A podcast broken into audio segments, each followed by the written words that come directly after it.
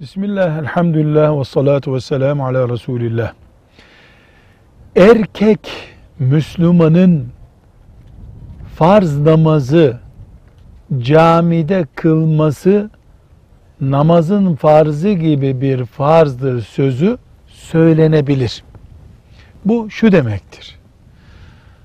Hadis-i şeriflerden yola çıkarak belli bir grup alim camiye gitme imkanı olan erkek Müslüman camide namaz kılmak zorundadır.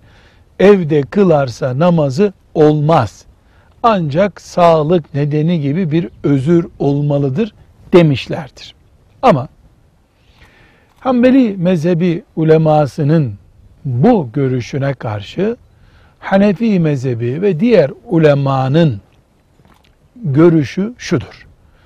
Erkeğin namazı, farz namazı yani, cemaatle camide kılması ciddi bir vazifedir, vaciptir, müekket sünnettir ama namazı olmaz diye bir şey yok, sevabı eksik olur. Biz nasıl hareket edelim? Camide namaz kılan Müslüman olmak en güzeli.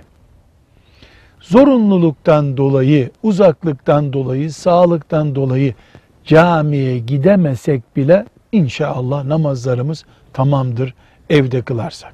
Ve mümkün olduğu kadar kıldığımız yerde bir kişi daha da olsa yanımızda cemaat yapmaya çalışırız. Velhamdülillahi Rabbil Alemin.